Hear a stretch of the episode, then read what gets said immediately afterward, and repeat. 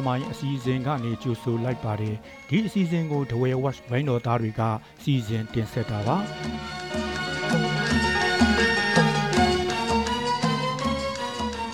ဒီတစ်ပတ်မှာတော့စာရေးသူရနောင်ဒဝဲရဲ့လက်စကမ်းအမွေဆောင်းပါးကိုတင်ဆက်သွားမှာပါဒီဆောင်းပါးကိုဒဝဲ watch ကစီစဉ်ထုတ်ဝေခဲ့တဲ့တနင်္သာရီဂျာနယ်အတွဲ3အမှတ်7မှာဖော်ပြခဲ့တာဖြစ်ပါတယ်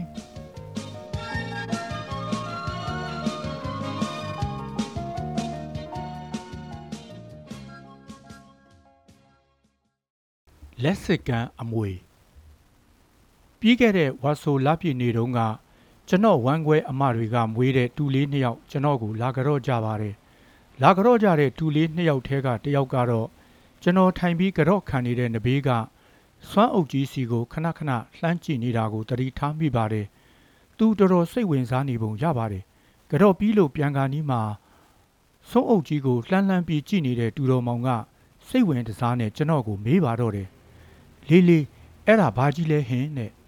ဆယ်တန်းကျောင်းသားအရွယ်ကျွန်တော်တူလေးရဲ့မေးမြန်းချက်ကိုကြားရတော့တော်တော်လေးစိတ်မကောင်းဖြစ်သွားမိသလိုဝမ်းလဲတာမိပါတယ်စိတ်မကောင်းဖြစ်မိတာကမြမယဉ်ကျေးမှုအမွေအနှစ်ပစ္စည်းတစ်ခုဖြစ်ပြီးလွန်ခဲ့တဲ့နှစ်ပေါင်း90အတွင်း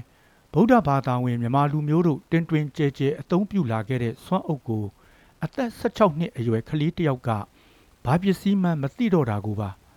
တကယ်တော့ဒီကလေးဟာကျွန်တော်စီမှာရှိတဲ့စွမ်းအုပ်ကိုပထမဆုံးမြင်ဖူးခဲ့တာတော့မဟုတ်တော့ပါဘူးတခြားတနေရာရာတွေမှာလည်းတွေ့ဘူးမြင်ဘူးခဲ့မှာပါဒါပေမဲ့လည်းစူးစမ်းခွင့်မရလို့မြမယဉ်ကျေးမှုလက်ရာစစ်စစ်ယွန်းဆွန်းအုပ်ကြီးကိုဘယ်နေရာမှာသုံးတဲ့အရာလဲဘယ်လိုခေါ်တယ်လဲဆိုတာကို မသိတော့တာဖြစ်မယ်လို့ထင်ရပါတယ်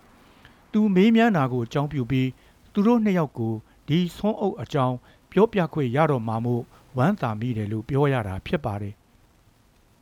ဒီဆွန်းအုပ်လေးကိုတနင်္သာရီတိုင်းလောင်းလုံးမြို့နယ်ထဲကမင်းရရွာမှာရရှိခဲ့တာပါတနည်းအားဖြင့်ကျွန်တော်တို့မင်းရရွာတလိုင်းမော်ပိုင်းမှာနေထိုင်တဲ့ဥမောင်နှင်းဒေါ်ကြီးပိုတို့အိမ်ကရခဲ့တာဖြစ်ပါတယ်ဒီဆွန်းအုပ်ကဒေါ်ကြီးပိုရဲ့အဖွာအသုံးပြုခဲ့တဲ့ဆွန်းအုပ်ဖြစ်တယ်လို့ဆိုပါတယ်အခုလက်ရှိဒေါ်ကြီးပိုဟာအသက်85နှစ်ဝန်းကျင်လောက်ရှိပြီဆိုတော့သူ့အဖွာပစ္စည်းဖြစ်တဲ့ ဒီဆွန်းအုပ်ရဲ့တက်တန်းကလည်းနှစ်ပေါင်း100ကျော်နေလောက်ပါပြီလို့ခန့်မှန်းမိပါတယ်ဆွန်းအုပ်ကိုကျွန်တော်စတွေ့စဉ်တုန်းကအခုလိုပုံစံမျိုးမဟုတ်ပါဘူးဆွန်းအုပ်ရဲ့ကိုယ်ထဲနဲ့အောက်ခြေအနားမှာကြွက်ကြိုက်ထားတဲ့အပေါက်နှစ်ပေါက်တွေ့ရပြီးဆွန်းအုပ်ကိုလည်းတနေရာမှာဂျောင်ထိုးထားခဲ့တာပါအိမ်သားတွေအနေနဲ့ကလည်းဒီဆွန်းအုပ်ကိုလက်ရှိခေတ်တွေမှာအသုံးမပြုကြတော့ဘူးဆိုတော့ဒီအတိုင်း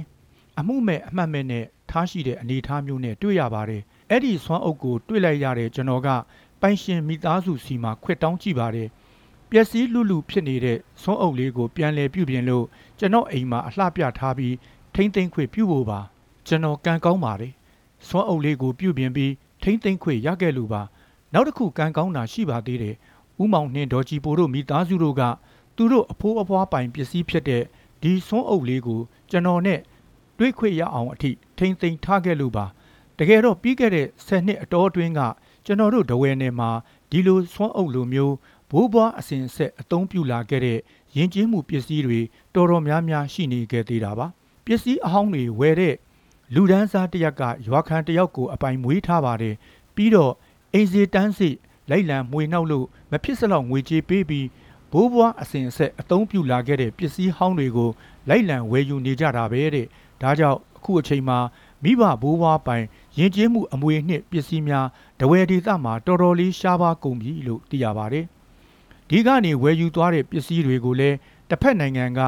ရှေးဟောင်းပစ္စည်းအယောင်းဆိုင်တွေမှာမူရင်းပစ္စည်းပိုင်ရှင်တွေမကြားဖူးလောက်တဲ့ဈေးတွေနဲ့ရောင်းဝယ်မှုတွေပြုလုပ်နေကြတယ်လို့သိရပါတယ်။ကြားရတဲ့သတင်းစကားတွေကတကယ်ကိုစိတ်မကောင်းစရာပါပဲ။အခုဒီဆွန်းအုပ်လေးကိုလည်းအိမ်တန်ရာရောက်လာပြီးတောင်းဝယ်ဘူးတယ်လို့ဆိုပါတယ်။ပိုင်ရှင်က အဖိုးအဖွားပစ္စည်းအဖြစ်အမှတ်တရအဖြစ်ထားရှိပြီးမယောင်းပစ်ခဲ့လို့သာအခုလိုကျွန်တော်တွေးခွေရတာပါ။ကျွန်တော်အနေနဲ့တော့ဒီရှေးဟောင်းရုံးထည်လေးကိုပြုပြင်ထိမ့်သိမ်းခွင့်ရတာအတော်ပဲဝမ်းသာမိသလိုတောက်လျှောက်ထိမ့်သိမ်းလာပြီးကျွန်တော်လက်ကိုလွှဲပြောင်းပေးခဲ့တဲ့ပိုင်ရှင်မိသားစုကိုလည်းအထူးပဲကျေးဇူးတွေတင်နေမိတယ်ကျွန်တော်တို့မင်းရရွာကရလာခဲ့တဲ့ဆွမ်းအုပ်ကို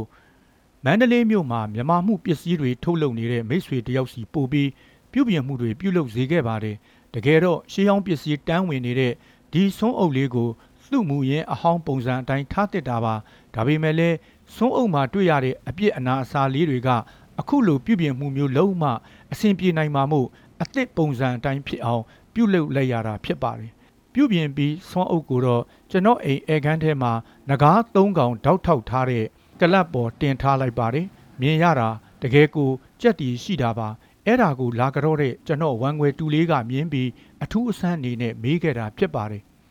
ဆွမ်းအုပ်ကိုကြည့်ပြီးစိတ်ဝင်စားနဲ့မေးလာတဲ့ကလေးကိုဆွမ်းအုပ်နဲ့ပတ်သက်ပြီးအရင်ကဒုမြန်မာလူမျိုးဗုဒ္ဓဘာသာဝင်တွေဘုန်းကြီးကျောင်းကိုဆွမ်းပို့တဲ့အခါဆွမ်းတွေထက်ယူသွားရတဲ့ဆွမ်းတော်အုပ်ဖြစ်တဲ့အကြောင်းရောနယ်ဘက်မှာအခုအချိန်ထိ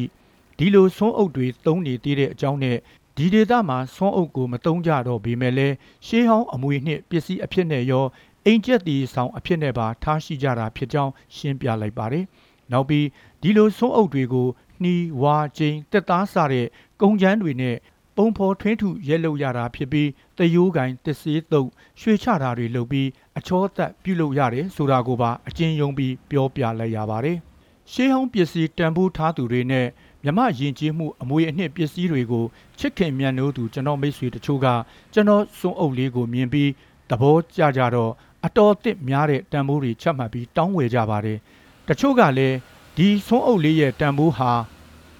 ဘယ်လောက်ဘယ်မျှတန်တယ်ဆိုပြီးတော့လဲတန်ဖိုးတွေလာဖြတ်နေတတ်ကြပါတယ်ကျွန်တော်အနေနဲ့တော့သူတို့ပြောတဲ့တန်ဖိုးတွေအပေါ်စိတ်ဝင်စားမှုမဖြစ်သလိုตาယာမှုတွေလည်းမဖြစ်ခဲ့ပါဘူးဘာလို့လဲဆိုတော့အရင်နှစ်ပေါင်း100ကျော်လောက်က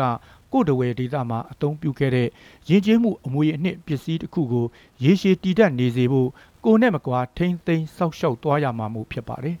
နောက်ပြီးကျွန်တော်မှာတာဝန်တစ်ခုကြံနေပါသေးတယ်ဒီဆွမ်းအုပ်ပိုင်ရှင်ဥမောင်နှင်းနဲ့ဒေါ်ကြည်ပိုတို့ရဲ့မြေးအရင်ခောက်ခောက်တွေလည်းဖြစ်ကျွန်တော်အမရင်းကမွေးထားတဲ့ကျွန်တော်တူနဲ့တူမနှစ်ယောက်လည်းဖြစ်တဲ့မျိုးဆက်တစ်လေးနှစ်ယောက်ကိုကျွန်တော်လက်ရှိယူထားတဲ့တာဝန်တွေလွှဲပြောင်းပေးဖို့ပါအဲ့ဒီခါကျရင်ကိုယဉ်ကျေးမှုအမွေအနှစ်ပစ္စည်းတွေကိုချစ်မြတ်နိုးတက်လာအောင်ပြောပြပြီး သူတို့ဘိုးဘွားပိုင်ဒီဆွန်းအုပ်လေးကိုလွှဲပြောင်းပေးရမှာဖြစ်ပါတယ်သူတို့လေးတွေဘိုးဘွားအမွေကိုမြတ်နိုးတန်ဖိုးထားကြမှာပါကျွန်တော်တူတူမတွေလိုပဲနောင်လာမဲ့မျိုးဆက်တစ်လေးတွေလည်းဘိုးဘွားပိုင်ပစ္စည်းများကိုတန်ဖိုးထားတတ်ကြပါစေကြောင်းဆန္ဒပြုလိုက်ရပါတယ်ခင်ဗျာ